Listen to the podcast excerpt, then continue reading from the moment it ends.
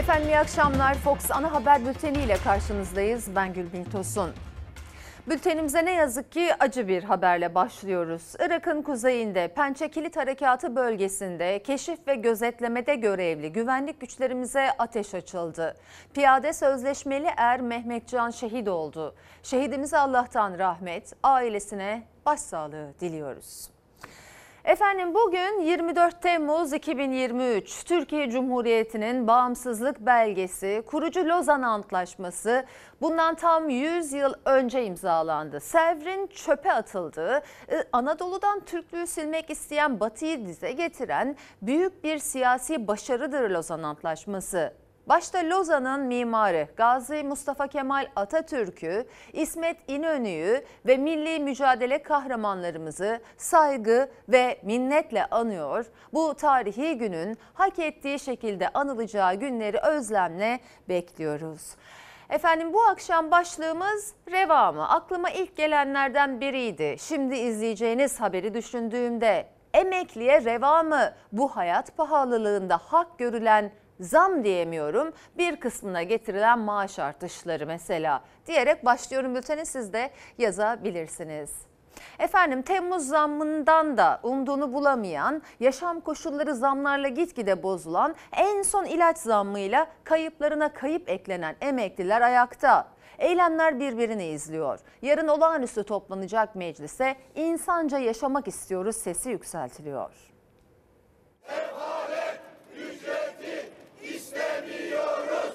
Görmüş olduğunuz bu tencerede salça, sıvı yağ, soğan, patates, yeşil biber AKP iktidarı tarafından izne gönderildi. Burada sadece taş kaynamakta. Tencerelerinde taş kaynattılar. Sağanak gibi yağan zamlardan korunmak için şemsiye açtılar. ÖTV, KDV artışıyla iğneden ipliğe gelen barınmadan ulaşıma, gıdaya kadar her zammı en derinden hisseden emekliler hayat pahalılığına karşı siyah bant çektiler ağızlarına. %25 zammın kelime anlamını akıllara, boş buzdolapları, alınamayan ilaçları, karşılanamayan kira faturalı getirmektedir. 4 kişilik bir ailenin aylık gıda harcaması tutarı 10.373. Ben yüksek mühendisim. Bir bisikletim olmadı. İstanbul'da kalıyorum. Bu sene portakal yemedim. Vallahi çok pahalı. Birini alıyoruz, birini alamıyoruz. Tane tane alıyoruz.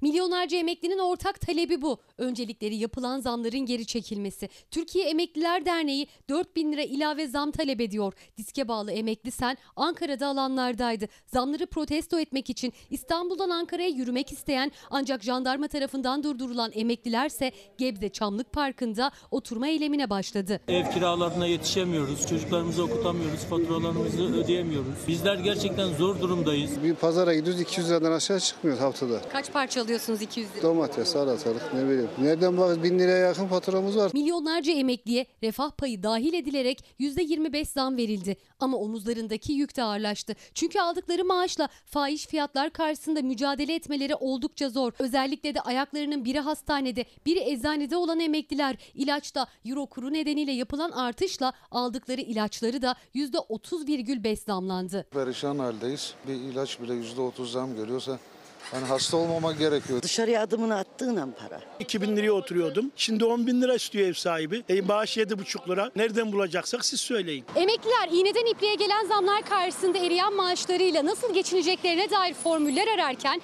65 yaş üstü emeklilere ücretsiz ulaşım hizmeti veren özel halk otobüsleri ses yükseltti. 15-10-2023 tarihine kadar hükümetimiz tarafından 65 yaş ve verilmiş olan desteğin çıkarılmaması durumunda 81 ilde ücretsiz binişlerin kaldırılacağı duyurulmuştur. Onu da elimizden alırsa tamam bittik yani. 65 yaş üstü emeklinin ücretsiz hizmet aldığı birkaç kalemden biriydi ulaşım desteği. Eğer bu da ücretli hale gelirse giderleri daha da ağırlaşacak. Çünkü bilet fiyatları da zamlandı. Ankara'da 9,5 lira olan biniş ücreti 15 lira oldu. Şuradan ulusa çıkmam bile 100 lira 200 lira. 17-17 lira dolmuş parası ne eder?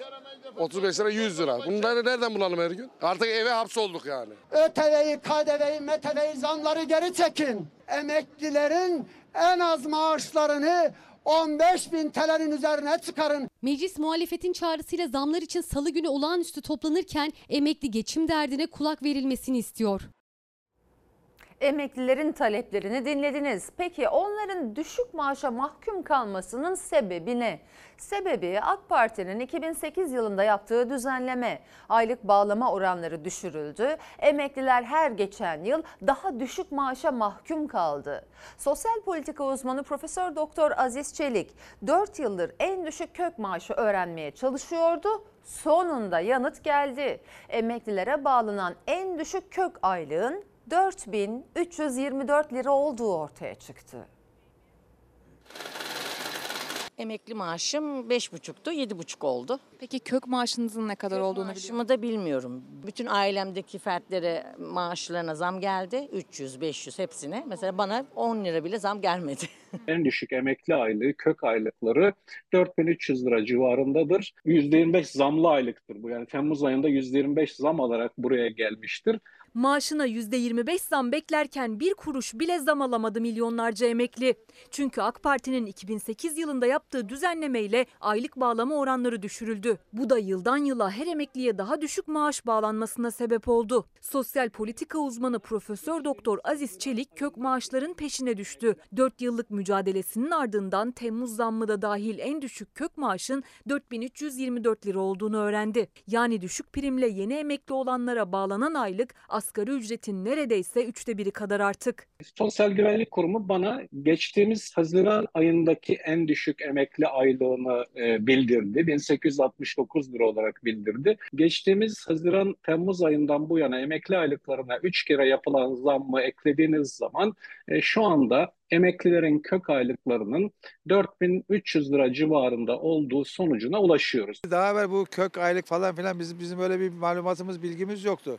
O yüzde 25 zam e, yedi buçuğun üzerine vermedi. O bir önceki aylığın üzerine verdi. Gene aylık aynı seviyede kaldı. Anlayana kadar iflahımız kesildi zaten ne olduğunu ama. Emekli Temmuz maaşında zam göremeyince kök aylık gerçeğiyle karşılaştı. AK Parti'nin 2008 yılında aylık bağlama oranlarında yaptığı değişiklikle %76'dan kademeli olarak %50'ye kadar düşürüldü maaşların bağlanma oranı. Yani 2008'den sonra her çalışılan yıl ilerideki emekli maaşından eksiltmeye başladı. Bir diğer değişiklikse yine 2008'de büyümenin etkisinin de düşürülmesi oldu. Tüm bunlar maaşları eritti. Emeklilerin aylık bağlamasında esas olan primleri güncellenirken enflasyonun yanında e, büyüme de %100 hesaba katılıyordu. 2008'de bu %30'a düşürüldü. Kök maaşı e, şu anda 7.6500 oldu zamla beraber. 25 sene yakın bir çalışma sürem var. 7500 gibi prim ödedim.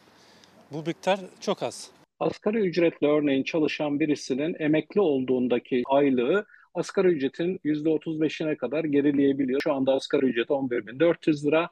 Bu miktar üzerinden örneğin hayat boyu çalışan birisi e, emekli olduğunda 4000 lira civarında bir aylığa mahkum olabiliyor. Tam da öyle oldu. Milyonlar 4300 lira civarında kök aylığa mahkum kaldı. En düşük emekli maaşı olan 7500 lira da değiştirilmeyince Temmuz'da hiç zam alamadılar. Hatta bu gidişle bir zam dönemini daha zamsız geçirecekler. Hükümet bir yama yapmayı tercih ediyor. Yani en düşük emekli aylığı 7500 liradır demek yerine aradaki farkı tamamlıyor. Böyle olunca da emekliler sık sık mağdur oluyorlar. Biz aldığımızı biliyorsa şu an 7600 lira aldık. Ondan geçinmeye çalışacağız. Emeklileri de yollara düşürdünüz tebrikler. Sokaktaydılar o yaşta açlığa mahkum edildiler çünkü. Hele bir de kök maaş meselesi işte. Ne karışık değil mi? Emeklilerin birçoğu anlamıyor. Bana soranları oldu o zaman fark ettim. Önce 2008'de aylık bağlama oranı düzenlemesi sonra büyümeden verilen payın azaltılması, düşürülmesi. Böyle sanki nasıl daha az verebiliriz diye gizliden gizliye üzerine düşünülmüş gibi. Gizliden gizliye diyorum çünkü mesela Profesör Doktor Aziz Çelik de tam 4 yıl uğraşmış. Neden gizleme gereği duyuyor Sosyal Güvenlik Kurumu SGK? Sormayın, bilmeyin, anlamayın. Böyle vatandaş yani böyle seçmen seviyorlar. Bu arada bir izleyicimiz demiş ki Tayyip Erdoğan koltuğu garantileyince emekliyi çöpe attı. Bir izleyicimiz de dullar yetimler unutuldu biz ne yapacağız diye soruyor. Dullar yetimler e, ve engellilerle ilgili e, evet maaşlar çok düşük oranda biz sıkça dile getiriyoruz. Devam edelim haberle. Memurla iktidar arasında toplu sözleşme pazarlığı 1 Ağustos'ta başlayacak. Masada memur adına Yetkili sendika Memursen Çalışma Bakanlığı'na teklifini sundu. 2024-2025 yıllarında toplam %110 zam istiyor. Ama hepsinden önce en düşük memur maaşının vaat edildiği gibi 22 bin liraya yükseltilmesini. Memursen Başkanı Ali Yalçın 22 bin lira sözü tutulmadı. En düşük memur maaşı 20 bin 350 lirada kaldı dedi. Aradaki farkın da maaşa yansıtılmasını istedi. Akaryakıtta %40'ın üzerinde artışın yaşandığı vergiler, emtia ve zorunlu giderlere yansıdığı bir dönemde toplu sözleşmeye gidiyoruz. 2024-2025 yıllarını kapsayacak 2 yıllık süreçte toplamda %110 oransal artış teklif ediyoruz. İğneden ipliğe her şeyin fiyatının arttığı bir dönemde 6 aylık değil ilk kez 3'er ay arayla zam istiyor memur. İktidarla pazarlıkta yetkili sendika Memursen 2 yılda toplam %110 zam teklifini iktidara sundu. Ama pazarlık masasında ilk şartları en düşük memur maaşının 22 bin lira olacağı vaadinin yerine getirilmesi. En düşük devlet memuru maaşı 22.000 TL'ye çıkmamıştır. Arada 1650 TL'lik bir fark kalmıştır. En düşük memur maaşı 22 bin lirayı bulacak. Cumhurbaşkanı Erdoğan'ın en dikkat çeken seçim vaatlerinden biriydi. En düşük memur maaşının 22 bin liraya yükseltilmesi. Seçim bitti. Memursan en düşük memur maaşı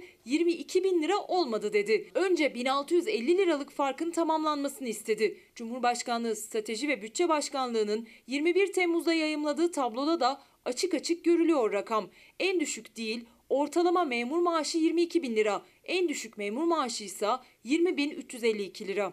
En düşük devlet memuru dediğinizde bekar, hizmetli, göreve yeni başlayan memur baz alınır. 22 bin TL vaat edildiği için eksik uygulanan 1650 TL'nin başlangıçta bir defa tazminini istiyoruz. Memursan toplu sözleşme teklifinde ise 2024 yılı için 3 aylık dönemlerde 4 seferde toplamda %70 zam istiyor iktidardan. En düşük memur maaşı Ocak ayında 29.700 lira olsun dedi. 2024 yılı için birinci 3 ayda %35, ikinci 3 ayda %10, üçüncü 3 ayda %15, dördüncü 3 ayda %10 artış istiyoruz. 2025 yılında ise bu kez iki seferde ilk 6 ayda %15 artı %10 refah payı, ikinci 6 ayda ise %15 zam istedi Memursen. Toplamda %40 zam. 2025 yılı için ise Türkiye'nin ekonomik verilerinin ve enflasyon rakamlarının iyileşeceğine dair iyimser tavrımız gereği 6'şar aylık dönemler itibariyle tekliflerimizi sunuyor. İktidarla pazarlık 1 Ağustos'ta başlayacak. Masada memur adına yetkili memur sen o güne kadar iktidar teklifini hazırlasın derken kamu sende gelecek yıllardaki zamdan önce geçmişin telafisini istedi. Enflasyon altında eriyen memur maaşına 2022 yılı Ocak ayından bu yıl sonuna kadar geçerli toplamda %44 zam bekliyor Kamusen. Birleşik Kamu işte 4 kişilik bir ailenin açlık sınırı 12.720 liraya, yoksulluk sınırı ise 33.984 liraya ulaştı dedi. Kamu Emekçileri Sendikaları Konfederasyonu KESK 2024 Ocak ayında en düşük memur maaşının 45 bin lira olmasını istedi. Gelir vergisinin %15'e sabitlenmesini, aylık 7650 TL kira yardımı verilmesini, 8077 TL seyyanen zamın emekli kamu görevlilere de istiyoruz. Ücretler arasındaki çarpıklığı Cumhurbaşkanlığı Strateji ve Bütçe Başkanlığı da tabloyla gösterdi. Ortalama memur maaşı 22 bin lirayken en yüksek memur maaşı 59.850 lira. Kamuda ortalama işçi maaşı 24.968 lirayla özel sektörün asgari ücreti 11.400 lira arasındaki uçurum daha da büyük. Temmuz ayının ikinci yarısı ile birlikte zam yağmuru başladı, durdurulamıyor. ÖTV, KDV zamlarının başta akaryakıt olmak üzere gıdaya ulaşıma etkilemediği alan kalmadı. Kamu zamları çaya kadar uzanırken CHP'de ikinci defa alınacak motorlu taşıtlar vergisini Anayasa Mahkemesi'ne taşıdı. A'dan Z'ye her şey zamlandı yani. Ulaşım, peynir, zeytin, et, çay, doğalgaz, olsun, elektrik. Bu zamları kim ait? Ben yani hükümeti suçlarım yani. Tayyip Erdoğan'ın zamı benim zamım. Zaten zam olmadığı bir gün yok ki. Hayat pahalılığı başta olmak üzere ekonomik sıkıntıları yine biz çözeceğiz. Gördüğünüz gibi ilk bizim benzinimize, mazotumuza, taşıt vergilerine geldi. Daha sonra da gıdaya geldi. Ulaşım takip etti. Seçim öncesinde Cumhurbaşkanı Erdoğan'ın sözüydü hayat pahalılığıyla mücadele ama seçimden sonra ilk kamu başladı zam yapmaya. ÖTV, KDV vergi artışlarıyla akaryakıttan doğalgaza gıdaya. Fiyatı arttı her şeyin. Meclis vergi artışları ve zam gündemiyle toplanmadan bir gün önce CHP MTV'nin ikinci kez alınmasını öngören yasal düzenlemenin iptali istemiyle Anayasa Mahkemesi'ne itiraz başvurusu yaptı. hukuk devleti ilkesi, verginin genelliği ve adaleti ilkesi, herkesin mali gücü oranında vergilendirme ilkesi bunların tamamını ihlal eden bir yasa ile karşı karşıyayız. Akaryakıttan, ekmekten, doğalgazdan her şeye kadar zam geliyor. İlaça erişmek büyük bir sorun. Demek ki seçime kadar hepiniz kandırıldınız. Bu siyasal bir dolandırıcılıktır. Temmuz ayı başında benzinin litre fiyatı 26 lira 19 kuruştu. Motorun 23 lira 96 kuruş. 15 Temmuz'da akaryakıtta 6 liralık ÖTV artışıyla 34 liraya aştı benzinin litre fiyatı. Motorununki de 34 liraya dayandı. Salı gününden itibaren yine yeni bir zam gelmesi bekleniyor. Akaryakıta zam başta gıda ürünleri A'dan Z'ye her şeyin fiyatının artması demek. Demin sordum etin kilosu 350 liraya. Çay, et, şeker her şey felaket. Ne yiyecek bu millet? Gerçekten yiğit kurusağına muhtaç kaldı. Kurusanın kilosu 10 lira o da, ona da zam var. Akaryakıtla toplu ulaşım da zamlandı. Ankara Büyükşehir Belediyesi vergi artışları karşısında başka çaremiz kalmadı diyerek bilet fiyatlarına %57,89 oranında zam yaptı. Dolmuşlarda. Şimdi gelirken 17 lira dolmuş parası verdim. Ablam bile yurt dışından geldi o bile diyor. Ee, bir markete gittiğinde o bile üzülüyorsa euro ile üzülüyorsa biz ne yapalım ya halk ne yapsın Allah aşkına. Tüketici fahiş fiyatlarla mücadele edilmesini beklerken seçim sonrasında ilk kamu zamlarıyla karşı karşıya geldi. Öyle ki Haziran ayının başında %43 zamlanan çayın fiyatı Temmuz ayında %9,5 daha artırıldı. Ve 8 Haziran'dan bugüne çayın fiyatı %56,6 zamlanmış oldu. Kamunun bir başka zammı da henüz etkisini göstermese de yine vergi artışıyla doğalgaza metreküp fiyatında yaklaşık 6 kuruş artış var. Geçinemiyoruz artık. Buraya kadar geldi herkes. 10 milyardan aşağı ev yok. 11 milyon zaten asgari ücret alıyor. Bu adam ev kirasına verecek. Ne yiyecek, ne içecek, nasıl olacak? Yani bu zam zam nereye kadar zam? Sesleniyorum kardeş. Allah korkusu ya. Ekonomi İşbirliği ve Kalkınma Örgütü OECD yüksek enflasyon ortamında temel ihtiyaçları karşılama endişesi listesi yayımladı. Türkiye %47'lik oranla OECD ülkeleri arasında temel ihtiyaçlarını karşılamakta en endişeli ülke. Üreticinin mazotundan tüketicinin temel ihtiyaçlarına pek çok üründen özel tüketim vergisi ÖTV alınıyor. Ancak pırlantada ÖTV yok. Oysa alınsaydı milyarlarca lira vergi geliri sağlanabilirdi. Muhalefet dar gelirlinin vergi yükünü hatırlatıp pırlantadan neden hala vergi alınmıyor diye sordu. 1.25 milyar dolarlık bir vergiyle karşı karşıya kalıyoruz. TL karşılığı 33.7 milyar TL. Devlet pırlantadan vergi almayarak vazgeçmiş. Bizim dememize hiçbir şey değişmiyor. Ne diyeyim ben? Ben de bilemiyorum valla. Ya e, özel neyi tüketiyoruz ki biz? Tüketici neyi özel tüketiyoruz ki biz diye sorsa da mazottan gıdaya, hijyen ürünlerinden mutfak tüpüne ve hatta törpüye kadar hepsi özel tüketim vergisine tabi. Adı özel tüketim vergisi ama özel tüketimin simgesi olan pırlantada yok. Vergide adalet görüşmesi teklif eden muhalefet devletin pırlantadan ÖTV almayarak en az 33 milyar lira vergiden neden vazgeçtiğini, vergi yükünü neden alt gelir grubuna yüklediğini sordu. %25 gibi bir insaflı bir rakam hesaplasak bile 33.7 milyar TL. 30 olursa o zaman 40,5 milyar TL. Neden bu kadar vergiden vazgeçiyor devlet? Değerli taşlar piyasasının ÖTV gelirini hesapladı CHP İstanbul Milletvekili Özgür Karabat. Geçtiğimiz günlerde de vergide adalet için genel görüşme talep ettiler ama meclis çoğunluğuyla kabul edilmedi teklifleri. Ne yazık ki AKP ve MHP oyları reddedildi. Anayasamıza göre herkes mali gücüne göre vergi ödemekle yükümlüdür. Ama siz ne yapıyorsunuz? Pırlantadan vergi almıyor, ekmekten vergi alıyorsunuz. Siz pırlantadan vergi almıyor, sudan vergi alıyorsunuz. Çiftçinin mazotundan vergi alıyorsunuz. Üretim ve tüketimde özel tüketim vergisi olmaması lazım. Özel tüketim dediğiniz nedir? Lüks şeylerdir. Bir deterjanın %20 vergisi var. Olmaması da gereken bir şey. Bugün parmağınıza taktığınız pırlanta için ÖTV ödemezsiniz. Yani ÖTV oranı sıfırdır. Ama o parmağınızın tırnağını kesmek için kullanacağınız tırnak makasında %20 ÖTV tahsil edilmektedir. Türkiye iç pazarında yaklaşık yılda 5 milyar dolarlık pırlanta satışı olduğunu söyleyen Özgür Karabat da yıllık 33.7 milyar liralık gelirden neden ve kimler için vazgeçildiğini sordu.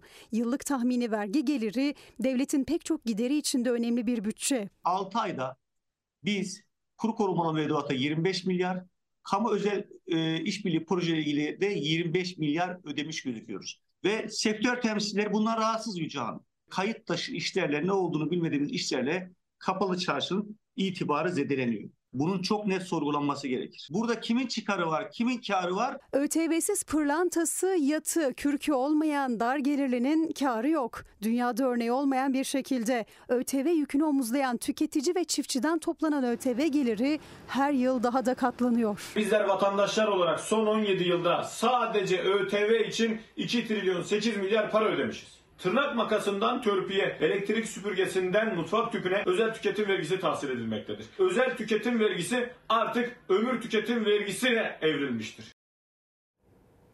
Özel sektörde işveren ara zam yapıyor ama o zamın büyük kısmı vergiye gidiyor. Çünkü hükümet vergi dilimlerini güncellememekte ısrarcı. Öziplik İş Sendikası da Cumhurbaşkanı Erdoğan'a çalışanlar yüksek vergi yükü altında eziliyor diyerek mektup yazdı. Teknoloji odaklı sektörlerde e, ara e, tabii ki maaş zamları yapılıyor ve şu anda da ara maaş değerlendirme dönemi. Her noktada fazla bir vergi dilimi, yüksek bir vergi dilimiyle karşı karşıyayız. İlk başta bir %30'luk bir zam aldım ama yeni dönem anlaşmamda bir %60'lık zam aldım. Şu an ara zammınız %60. Evet. Geliyor, devlete gidiyor. Farklı sektörler, farklı maaş grupları olsa da şirketler bir bir ara zam yapıyor çalışanlarına. Ara zam oranı %30'dan başlıyor, %60'a kadar çıkıyor. Enflasyon yüksek, hayat pahalı. Ara zamla gelen vergiye gitmesin diye Öziplik İş Sendikası Cumhurbaşkanı'na mektup yazdı. Vergi dilimlerinin güncellenmesini istediler. Bu yüksek enflasyonun yaşandığı bir dönemde e, ağır vergiler altında çalışmak zorunda kalan emekçiler adına Sayın Cumhurbaşkanımıza bir mektup gönderdik. Talebimiz e, özellikle bu vergi adaletinin sağlanması. Aslında daha önce Türk İş ve TİSK yani işçi ve işveren temsilcileri de Erdoğan'a mektup yazmıştı. Ancak henüz yanıt gelmedi. Asgari ücret zammının ardından özel sektörde de ara zamlar yapılırken vergi dilimleri aynı kaldı. İlk iki kademe şunun e, söylememizin sebebi şu. Ve önceden ikinci kademeye biz emekçiler 11. ve 12. ayda giriyorduk. Ama şimdi daha 5. aydan itibaren ikinci kademeye girmeye başladık. En azından ilk iki kademedeki fark açılırsa biz yıl sonunda belki bir ay bu vergi yüküne katlanmak zorunda kalırız. E, doğal olarak e, burada bir adalet sağlanır düşüncesiyle bu mektubu e, yazmış bulunuyoruz yani. Öziplik İş Sendikası ilk iki dilime vurgu yaptı ama aslında tüm çalışanlar vergi kesintisi mağduru. Üstelik maaş arttıkça oransal olarak kesilen vergi de artıyor. Özel sektörde düşük maaşla çalışanlar sendikayla haklarını ararken beyaz yakalının çoğu örgütlü mücadelede veremiyor. Sürekli devlete çalışıyor gibiyiz. Aldığımız her şeyde vergi, maaşımızdan vergi. İşverenden alıyoruz, devlete ödüyoruz. E, Vergi kesintisi e, oranları da maaşlara göre değil de yani belli bir standarda olursa yani ben ne kadar kazanıyorsam büyük çoğunluğunu vermek zorunda değilim. Ee, bunun yüzdesi daha düşük tutularak ya ayarlanabilir diye düşünüyorum. İşveren ara zam mesaisinde çalışanlar zaten yüksek gelir vergisinden dertli. Bu yüzden gelen ara zam vergiye gitmesin diye vergi dilimlerinin bir an önce güncellenmesini istiyorlar. maaşımızı büyük oranda etkiliyor. Ya devletin bu konuda e, daha düşünceli olması gerektiğini düşünüyorum. Yani ona göre bir e, düzenleme getirmesi gerektiğini düşünüyorum. Emeğin üzerindeki vergi yükünün bir an önce e, kaldırılması, kaldırılmasa dahi bu adaletin sağlanmasını istiyoruz. Alım gücümüz çok düştü. Ee, burada yani öğle arasında yemek yediğimizde bile fahiş fiyatlar var. Adım atıyoruz vergi yani. Yoksulluk sınırı 33.788 lira çok değil 33 bin lira net maaş alan bir beyaz yakalıdan sadece bir ayda %15 vergi kesiliyor. İkinci ayda %20'lik dilime geçiyor. Dördüncü ayda ise %27'lik dilime. Ocak ayında 33 bin lira olan maaşı Aralık'ta 29.600 liraya iniyor. Ülkede zaten ben şu an vergilerin çok fazla alındığını düşünüyorum. İnsanlar mutsuz. Bu insanların artık mutlu olması lazım. Ceplerine biraz para girmesi lazım. Ceplerine giren paranın da devlete bir kısmının gitmemesi lazım. Vergi dilimlerinde sendikalar genellikle ilk iki dilime dikkat çekiyorlar ama tüm vergi dilimlerinde adaletli bir düzenleme gerekiyor. Vergi dilimiyle ilgili değil ama zamlarla ilgili bir izleyicimiz Mehmet Bey reva mı? Memurun sendikası var, devlet işçisinin sendikası var. Peki özel sektördeki ne yapsın demiş. %55'lik zammı iki kademede aldık. Onunla idare ediyoruz. Bizi gören yok demiş. Bir izleyicimiz de iktidar 5 yılı garantiledi. Bundan sonra aday da olmayacak Erdoğan'ı kastediyor. Ne memur lazım ne işçi ne emekli artık kimse umurunda değil reva mı diye sorar. Zam gelmeyen ne kaldı diye düşünülürken her yeni güne zam haberiyle uyanmaya devam ediyoruz. Bu kez internette %70 zam geldi. Faturaları kabartacak bu zam en çok gençleri üzdü. Çünkü seçim öncesi Cumhurbaşkanı'nın verdiği ücretsiz internet vaadinin hayata geçirilmesini bekliyorlardı. Aksine zamla karşı karşıya kaldılar. 595 lira e, fatura ödedim. İnanılır gibi değil. 595 lira. Sonuçta bir ihtiyaç bu. Ama nereye kadar? Bu pahalılık zaten bizi aldı başını gidiyor. Zam geldiğini biliyor musunuz? İnternete mi? Gelmiştir normal. %70 inanmıyorum. Şu an zaten 200 küsür gibi bir şey ödüyorduk. Onu düşünemiyorum. Her evin, her telefonun olmazsa olmazı internet. Ama o da %70 zamlandı. Zam faturalara da yansıyacak. Özellikle öğrencileri zorlayacak. En büyük ihtiyacımız ama kullanamıyoruz. Her alanda kullanıyoruz biz interneti. Ödevlerimizden araştırmalarımıza kadar. Yani en gerekli şey bu bizim için şu anda. Yüksek öğrenimdeki gençlerimize bir defaya mahsus olmak üzere cep telefonu ve bilgisayar ediniminde vergi muafiyeti sağlayacağız. Ayrıca aylık 10 GB ücretsiz internet vereceğiz. Ona inananlık hayattayım ben bu saatten sonra. Telefon fiyatları zaten olmuş kaç dolar tam tersten vurdu yani. Öğrenciler vergisiz cep telefonu, ücretsiz internet vaadinin yerine getirilmesini beklerken beklemedikleri zamlarla karşılaştılar. En son zam da internete geldi. İnternet fiyatları %70 arttı. Evet onun ümidiyle bekledik ama olmadı. Bu fiyata telefon alınabilir mi? Valla alınamaz. Yani yalan yok az önce telefon meselesini açtım. Diyor çok zor dedi. 32 bindi. 32 binde. Telefonu biraz erteleyeceğiz. Cumhurbaşkanı Erdoğan'ın gençlere seçim vaadiydi vergisiz cep telefonu ve 10 GB internet. Hala hayata geçmedi. Aradan geçen 3 ayda telefonlara zam üstüne zam geldi. En ucuz telefon bile lüks oldu. Üstüne 81 ile hizmet veren tek toptan internet hizmeti sağlayıcısı Türk Telekom tarifesinde güncellemeye gitti. %70 zam yaptı. Bu hangi operatör ya da internet şirketi olursa olsun tüm faturalara zam demek. Az gelmiş. Alıştık. Ha. Şöyle bir üç kat olsaydı daha iyi olurdu. Yıllardır ihtiyaç. Şimdi daha çok ihtiyaç. Öğrencilere şey vardı, bilgisayarlar indirimli olacaktı. Öyle Telefonlar. olmadı. Aynen öyle bir şey olmadı yani. Aksine daha da çok arttı hepsi. İndirim beklerken zamla karşılaşan gençler yeni internet faturaları için kara kara düşünmeye başladı bile. Çünkü internet kullanmamak onlar için bir seçenek değil. Abi artık alıştık ya. Her şeye zam geliyor. Hani 270 lira mı ne? Evin kirası, faturası falan derken artık çalışmaya bakacağız abi bu sene. Ve siyaset gündemi. Bu kez ittifakta ayrılık. Ee, Cumhur İttifakı cephesinde AK Parti listesinden seçimlere katılan 5 milletvekiliyle meclise giren Yeniden Refah Partisi bir buçuk ay süreli seçim sözleşmesi bitti. Seçim sonrası alınan ekonomik kararlar yaptığımız protokole aykırı. Biz şu anda 5 milletvekiliyle muhalefet partisiyiz diyerek iktidara karşı muhalefet safına geçti.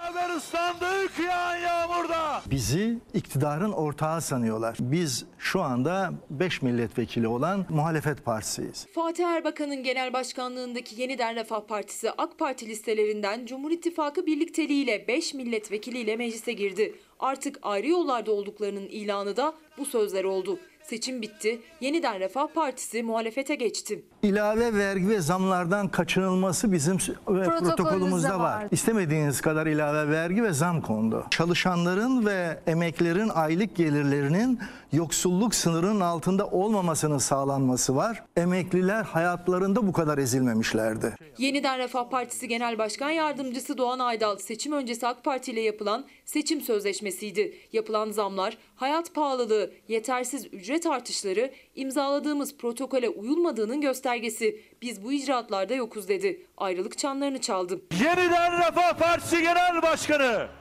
Sayın Fatih Erbakan. Genel Başkanımız hükümet arzu ederse biz iki bakan verebiliriz dedi. Bizi duymadı dahi iktidar. Sayın e, Cumhurbaşkanımızın bir tavrı var. Bütün açılışlara Sayın Genel Başkanımızı davet ediyor. Eller havada. Topluma bir imaj vermeye çalışıyor. Biz hala işte bu seçime girdiğimiz ittifakla beraberiz. Öyle bir durum yok. Yeniden Refah Partisi hükümetin parçası yapılan yanlışların ortağı olmayı reddediyoruz çıkışı yaptı. Fatih Erbakan'ın yeni pozisyonu açıklayacağı duyuruldu. El ele görüntünün aksine AK Parti ile Yeniden Refah Partisi ilişkisinin aslında seçim sürecinde de sancılı geçtiğinin itirafı da geldi. Biz gittiğimiz yerlerde bir oy Erdoğan'a bir oy Erbakan'a dedik. Ama seçimin son bir haftasında AK Partili bütün milletvekilleri biz refaha oy vermeyeceğiz diye kapı kapı dolaştılar. Oyumuz %3, 5 milletvekiliyle de artık muhalefetteyiz diyen Yeniden Refah Partisi'nin çıkışı. Bir süre önce CHP listelerinden seçime giren 35 milletvekiliyle mecliste yer alan DEVA, Gelecek ve Saadet Partisi için Erdoğan'ın sözlerini yaşanan tartışmayı hatırlattı. Toplam oyları yüzde biri dahi bulmayan tabela partilerinin sevincini anlıyoruz. Onlar siyasi tarihimizin en büyük tokatçılığına imza atarak CHP'den 39 milletvekili kopardılar. Bu çok ağır bir hakarettir. Beraber ortaklık yaptığı DSP, Yeniden Refah Partisi, Hüdapar. Şimdi onların sorması lazım. Peki biz neyiz? Biz de mi tokatçıyız? Cumhur İttifakı'nda yeniden Refah Partisi gediği açıldı. Gözler Fatih Erbakan'ın yapacağı açıklamalarda. Fatih Erbakan'dan yakında bir açıklama bekleniyor. Muhalefette olduklarını açık bir dille ifade edeceği konuşuluyor. Benim merak ettiğim şimdi tokatçılık mı yapmış oldular? Çünkü Cumhurbaşkanı'nın Cumhurbaşkanı'nın deyimiyle buna öyle deniyor. Merak ettiğim yani buna ne diyeceği Fatih Erbakan'ın. Sayın seyirciler CHP'de seçimlerden sonra başlayan değişim taraftarlarıyla genel merkez yönetiminin ilk güç sınavı 60 kişilik parti meclisindeki kritik oylamalardı. Yönetimin görevden aldığı 4 il ve 1 ilçe başkanının göreve iadesini isteyen yönetim muhalifleri iki oylamada salt çoğunluğu bir oyla da olsa aştı. 3 oylamadaysa yönetim çoğunluğu aldı. CHP'de yönetim ikiye mi bölündü tartışması başladı.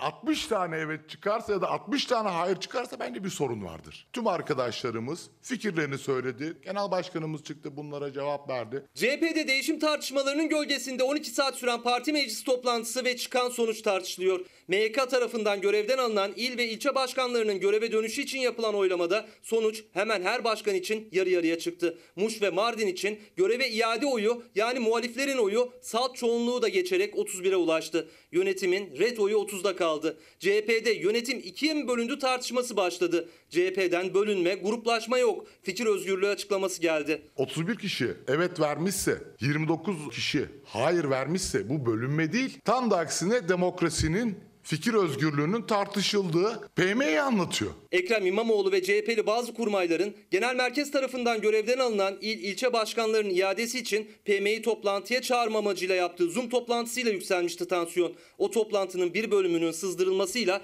parti içi tartışma büyürken Kılıçdaroğlu PM'yi toplama kararı aldı. İmamoğlu ile toplantıya katılan isimler de ilk kez Kılıçdaroğlu'yla yüz yüzeydi. İmza sayısı pazartesi akşam itibariyle 15'e ulaşacak. Bazısı 32-33'te kalabilir ama bazısı 40'ı bulabilir diyor. Görevden alınan ilin ilçenin durumuna göre. Hakkı abi söyledi onu da söyleyebilirim. Muş, Ağrı, Mardin, Kayseri ve İstanbul Beykoz ilçe başkanlarının göreve iadesi için yapılacak kritik oylamaya ilişkin hesaplar konuşulmuştu Zoom toplantısında.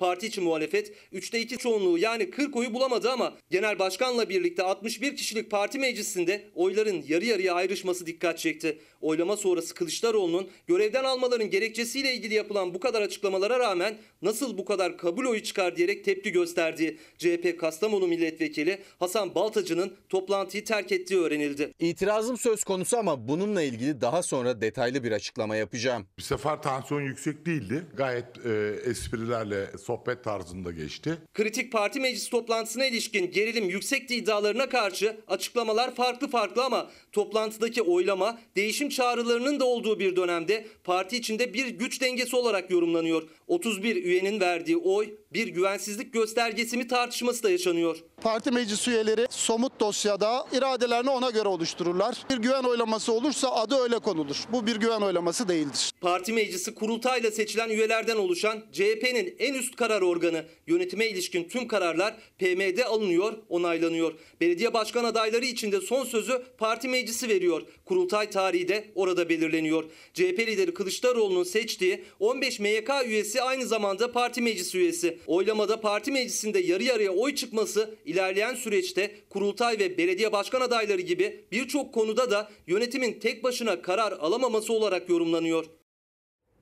CHP Genel Merkezi ve Genel Başkan Kılıçdaroğlu'ndan habersiz yapılan Zoom toplantısı sonrası CHP'de değişim sesleri yükselmişti. Önceki dönem CHP liderinin yardımcısı konumunda olan ve dün kritik parti meclisi toplantısına katılan isimler Kılıçdaroğlu ile ilk kez yüz yüze karşı karşıya geldi. Gergin geçen parti meclisinde gündem yine parti içinde istenen değişim talebiydi.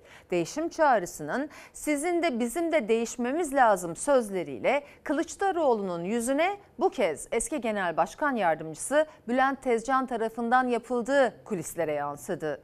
CHP liderinin hedefinde ise İmamoğlu ile Zoom toplantısı yapan grup yönetimi vardı. Bu konuda Gökhan Bey bir süreç başlattı. İkincisi alternatif bir olağanüstü kurultay e, süreci ol, olabilir mi? CHP'yi hareketlendiren Zoom toplantısının ardından gözler olağanüstü toplanan parti meclisi toplantısındaydı. Tam 12 saat sürdü. Gece yarısında bitti. Değişim çağrılarının yüksek sesle ilk kez dile getirildiği parti meclis toplantısında Ekrem İmamoğlu ve CHP'li üst düzey yöneticilerin yaptığı sızdırılan gizli çevrim içi toplantıda yeniden etik tartışması başladı.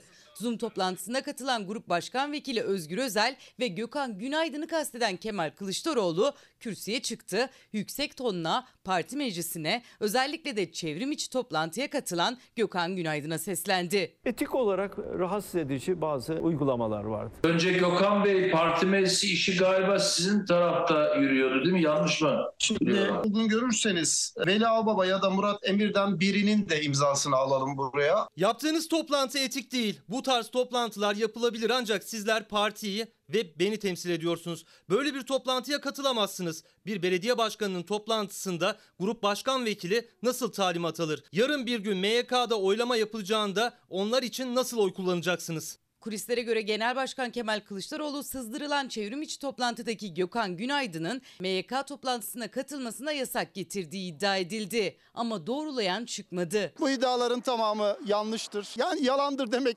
e, içimden gelmiyor. Böyle bir şey konuşulmadı PM toplantısında. Bizim sonuçta tüzüğümüz, grup iç yönetmeliğimiz hepsi e, belli. Ona göre yönetilen bir partiyiz. Ankara'da ikili parti meclisi sonrası Lozan Barış Anlaşması'nın 100. yıl dönümü nedeniyle yaptıkları Anıtkabir ziyaretinde ilk kez kameralar önündeydi. Ama Günaydın ve Kılıçdaroğlu CHP'nin paylaştığı görüntülerde hiç temas etmeyecek kadar birbirlerinden uzaktı. Parti meclis toplantısında en hararetli anlardan biri de Zoom toplantısı ile ilgili Kılıçdaroğlu'nun konuşma yaptığı anlarda yaşandı. İddialara göre bunlar haindir diye ses yükselten parti meclisi üyelerine değişim isteyen üyeler siz kimseye hain diyemezsiniz diye tepki gösterdi. Kaptan gemiyi dalgalı ortamda denize bırakmaz, terk etmez. Sağlam limana yanaştırır. Neresi o liman efendim? Kurultay. 13 yıl genel başkanlık yaptıktan sonra bir kere değişim öncelikle genel başkanla olmalı. Genel başkanla birlikte liderlik kadrosunun değişmesi lazım. Ben de dahil. Ben de genel başkan olmaya çok hevesli değilim. 24 saat çalışıyorum. Sorumluluklarım var. Gemiyi limana yanaştırmak zorundayım. Yerel seçimlerden sonra gereği yapılır. Bu tartışmaları tamamen kişisel koltuk mücadelesi olarak görüyorum. Bu tartışmaları bireysel bir mücadele olarak görüyorum. Partide değişim çağrıları sürerken Kılıçdaroğlu genel başkanlığa hevesli değilim ama gemiyi limana götüreceğim derken MYK üyesi Eren Erdem'den yeni bir çıkış geldi. Kurultayda imza toplayacağız. Kılıçdaroğlu'nun genel başkan olması önerisini götüreceğiz. Onun da kabul etmesini umuyoruz dedi. Zoom toplantısına katılanlar için bunlar haindir diye ses yükseltenler, hayır böyle diyemezsinizciler, hiç de iyi bir görüntü canlanmıyor insanın kafasında dünkü toplantıyı düşününce. Hele ki bir de kulislere yansıyan cumartesi toplantısı var. Kılıçdaroğlu orada diyor ki partinin ilkelerine bağlı geçmişi temiz biri olsa hemen genel başkanlığı bırakırım. Yani iddia o yönde. Geçmişi temiz kimse yoksa nasıl aday gösterildi o başkanlar, belediye başkanları veya bu sözlere çıkıp bir tek laf edenin de olmadığı, karşı çıkmadığı söyleniyor. İşte zihninizde canlandırınca bu görüntüleri 100 yıllık partiye yakışmadığını görüyor insan. Bu görüntüler seçmeni de incitiyor en azından benim gördüğüm. Böyle siyasete noktayı koyalım haberle devam edelim. 43 madencinin hayatını kaybettiği Amasra maden faciasının 3. duruşması görüldü bugün. Duruşmaya o faciadan yaralı olarak kurtulan madencinin ifadesi damga vurdu. Ayağım boşaltın. Alacaklar bizi burada gömleği. Kardeşimin içine doğmuş. 43 madencinin yaşamını yitirdiği Amasra maden faciasının 3.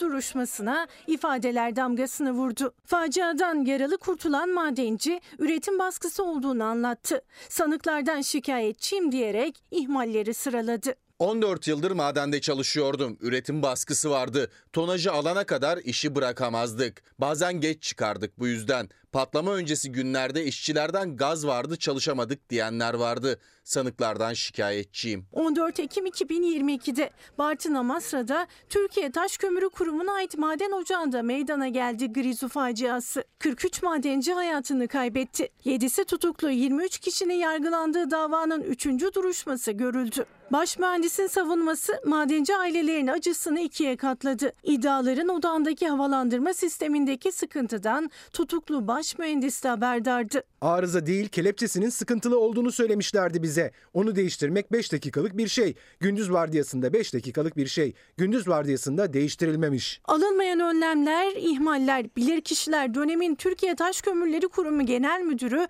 Kazım Eroğlu'yla 3 kurum yetkilisinin daha sorumlu olduğuna dikkat çekti. Ama onlara soruşturma izni bile çıkmadı. Acılı eşlerse duruşmada madencilerden duyduklarını anlattı. Eşim havalandırmanın değişeceğini, içeride sıkıntılar olduğunu söylerdi. İş çok zor, hiç bize acımıyorlar derdi.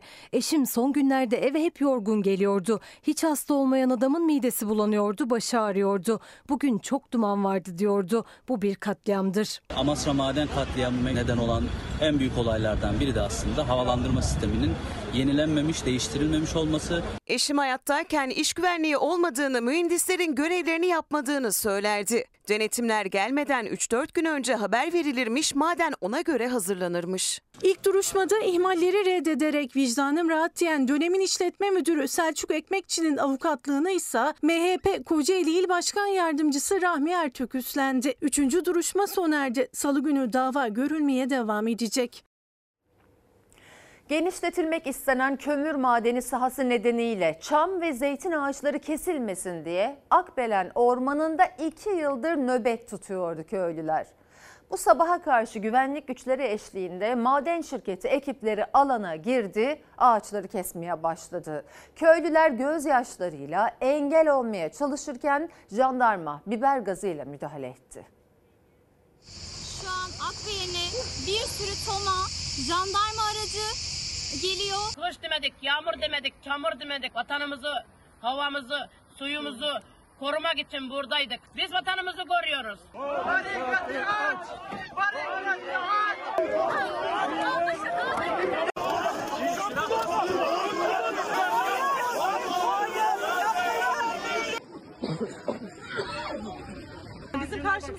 dikilmeyin. Ormanı kesenlerin karşısına dikilin. Sabaha karşı beş buçukta Muğla İkizköy'deki Akbelen Ormanı'na jandarma ile birlikte girdi maden şirketinin ekibi. iki yıldır doğa nöbetindeydi köylüler ve çevreciler. Jandarma etten duvar oldu. Ekipler ağaçları kesmeye başladı. Avukat bile sokulmadı alana. Köylüler uzaktan ağaçların kesilmesini gözyaşlarıyla izledi. Jandarmadansa biber gazlı müdahale geldi.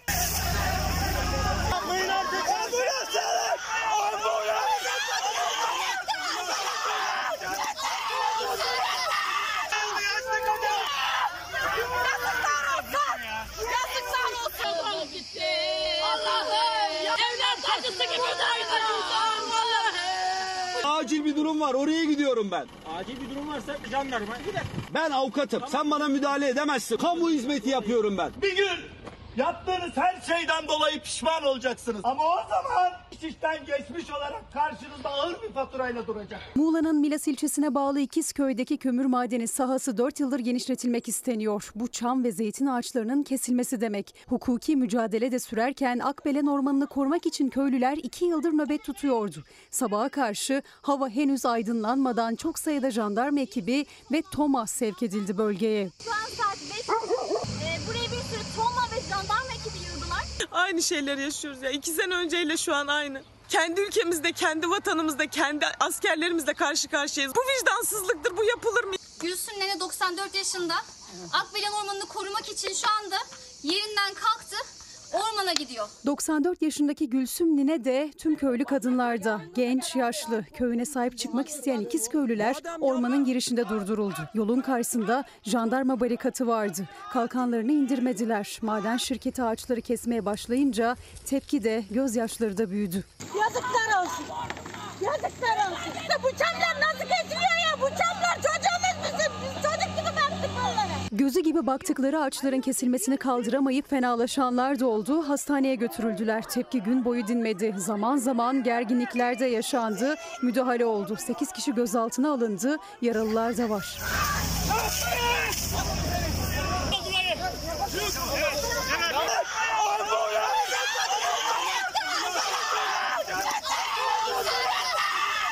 Dünya kömürden vazgeçmişken birilerinin cebi dolsun diye rant için o güzelim ormanların katledilmesine karşıyız. Ankara'da da 117 bin imzalı dilekçe teslim edildi Tarım ve Orman Bakanlığı'na. Muhalefet de destek verdi gönüllülere. Köylülerse mücadeleden vazgeçmiyor.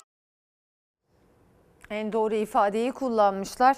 Bizi jandarmayla karşı karşıya getirmek vicdansızlıktır diye reva görülen bu gerçekten. Devam ediyoruz. Türkiye kavurucu sıcakların etkisi altında. Üstelik çarşamba günü mevsim normallerinin 10 derece daha üstüne çıkacak hava sıcaklığı. Kronik hastalar ve yaşlılar için uyarılar gelirken barajlardaki doluluk da günden güne düşüyor. Bir uyarı da İSKİ'den su tasarrufu için geldi.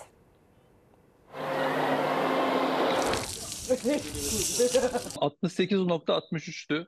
Geçtiğimiz yıl aynı bugün doluluk oranımız. Bugün 2023 yılı içerisinde de 39.07 gibi bir doluluk oranımız var. Kavurucu sıcaklar devam ediyor. Uzmanlar yılın en sıcak gününü bir kez daha güncelledi ve çarşamba günü için uyardı. Güney Marmara, Ege ve Akdeniz bölgelerinde 40'ın üzerine çıkan sıcaklıklar Aydın'da 45 dereceyi bulacak. İstanbul'da da 37 dereceyi görecek ama hissedilen çok daha fazla olacak. Kronik rahatsızlığı olanlar yaşlılarımız ve çocuklarımız başta olmak üzere vatandaşlarımızın günün en sıcak saatleri olan 11 ile 16 saatleri arasında dikkatli ve tedbirli olmaları gerekmektedir. Van Gölü'nde su çekildi. Edirne'de de Meriç Nehri son 5 yılın en düşük seviyesine geriledi. Şehrin 19 yıllık sıcaklık ortalaması değişti, 4 derece arttı. Edirne il merkezinde şimdiye kadar 1930 ile 2023 yıl arasındaki maksimum sıcakların ortalamasının 37 derece civarında olduğunu görüyoruz. Bugün ise 41 derece. Yağmur yok, kar yok. Sularımız azaldı. 50-60 yıldır çiftçiyim.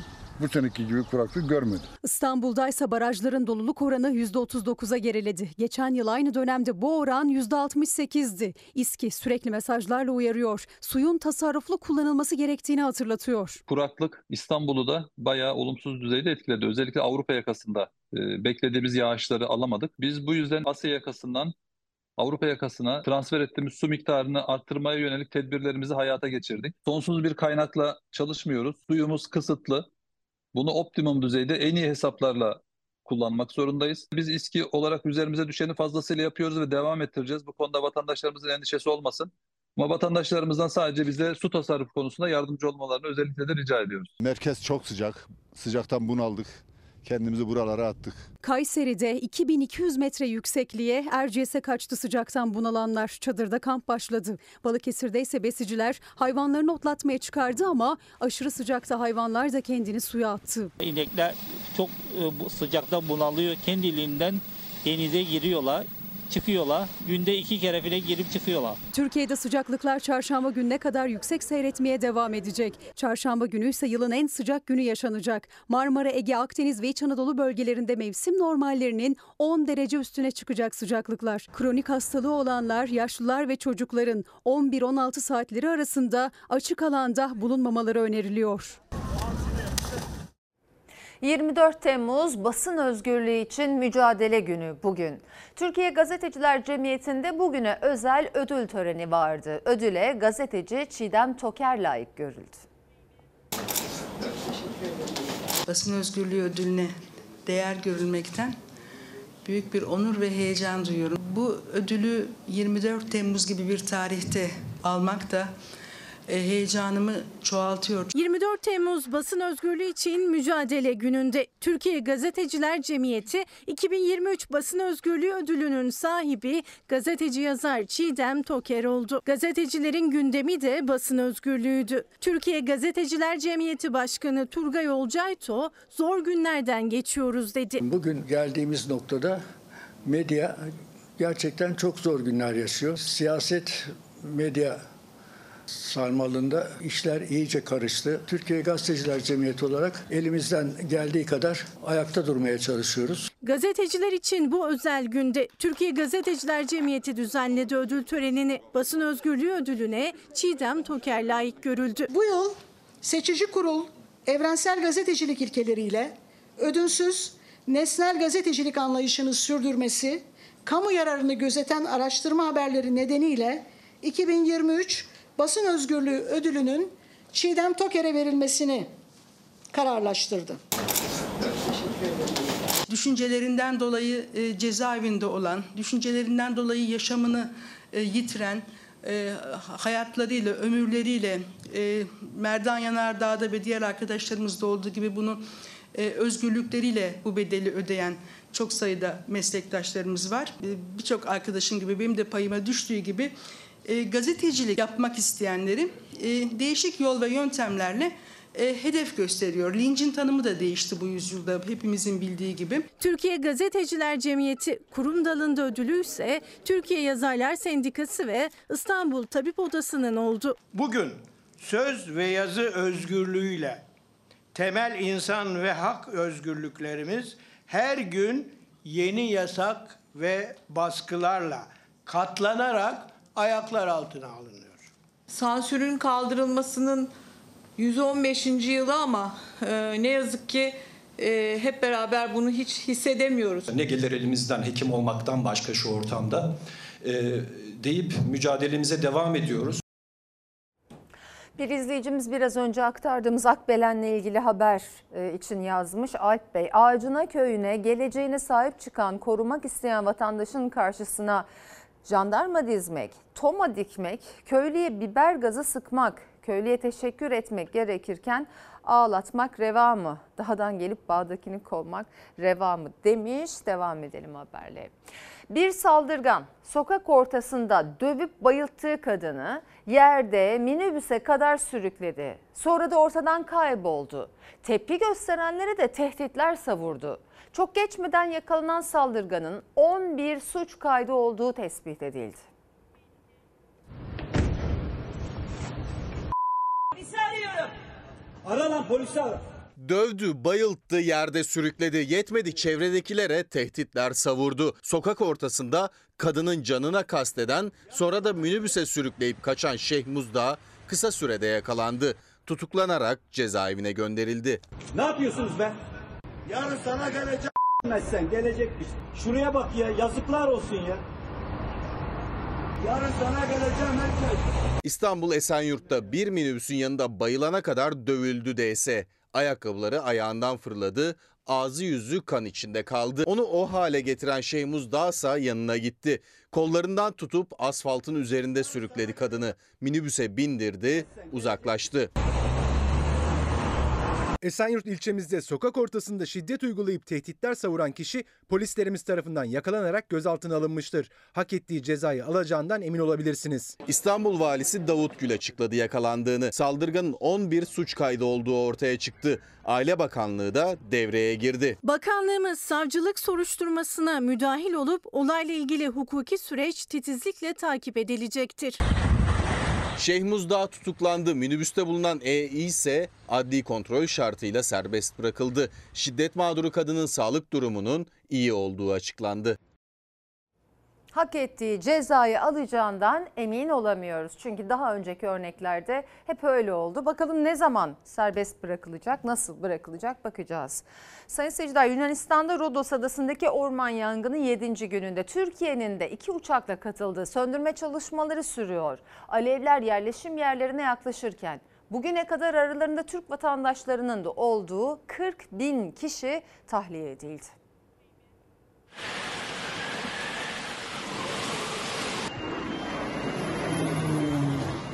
Önce Rodos, şimdi de Korfu. Orman yangınları Yunanistan için kabusa dönüştü. On binlerce kişi tahliye edildi. Yunanistan tarihinin en büyük orman yangınlarından biriyle karşı karşıya. Rodos adasının orta kesimlerinde bir hafta önce başlayan yangın tüm çabalara rağmen yayılıyor. Adaya uçuşlar durduruldu.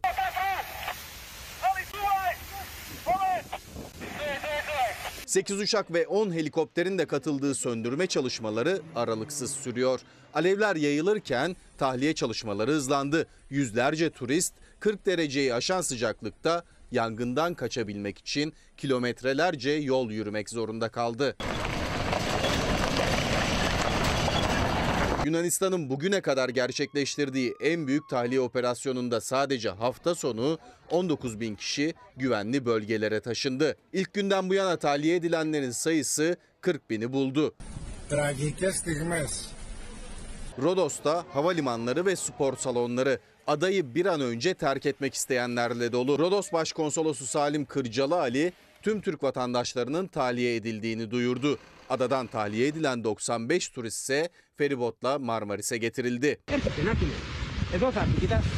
Dünya Rodos'u konuşurken Yunanistan yeni bir yangın haberiyle sarsıldı. Bu kez İyon denizindeki Korfu adasında orman yangını çıktı. Alevler hızla yayıldı. Ev ve otelleri tehdit etmeye başladı.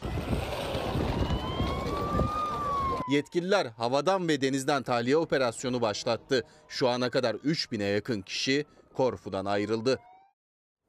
Yemen'de şiddetli fırtına sırasında havalimanı terminalinin cam cephesi parçalandı. Cam kırıkları nedeniyle 6 kişi yaralandı. Terminalde yaşanan panik güvenlik kameralarına yansıdı.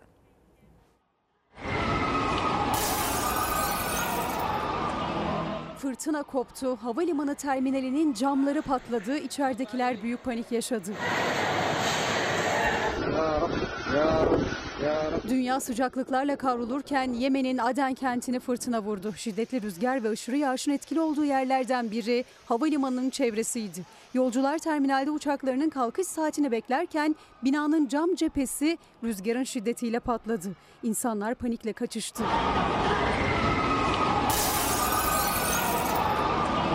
Fırtına sırasında havalimanındaki bazı binalarında çatıları uçtu. Bir uçağın kanadında ve bazı araçlarda hasar meydana geldi.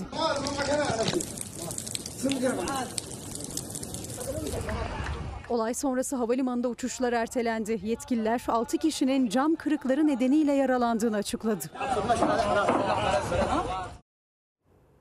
5 kişinin bulunduğu otomobil korkulukları parçaladıktan sonra metrelerce yüksekten yola uçtu. Araçtan hafif yaralı çıkan 5 genç polis gelmeden sırra kadem bastı.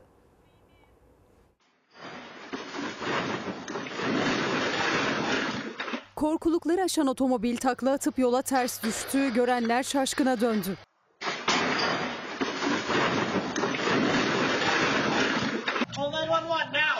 Amerika Birleşik Devletleri'nin San Francisco kentinde yaşandı olay. Beş gencin bulunduğu otomobil merdivenlerin olduğu yere yaklaşırken hız kesmedi. Araç korkulukları yıktı, tepeden uçtu. Ön kısmı yere çarptıktan sonra takla attı, ters şekilde kaldırıma düştü.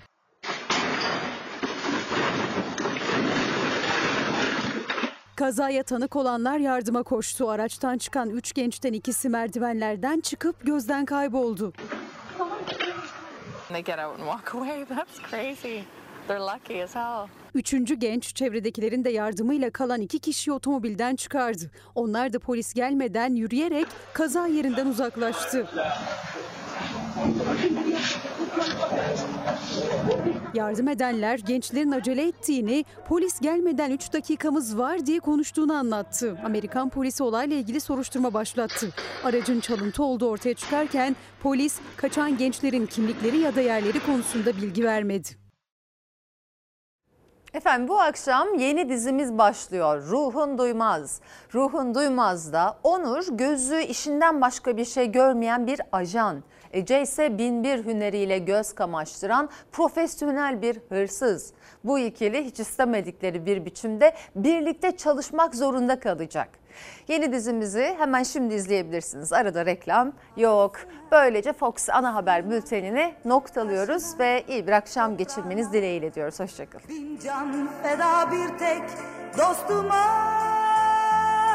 Her köşesi cennetin ezilir yerler için Bir başkadır benim memleketim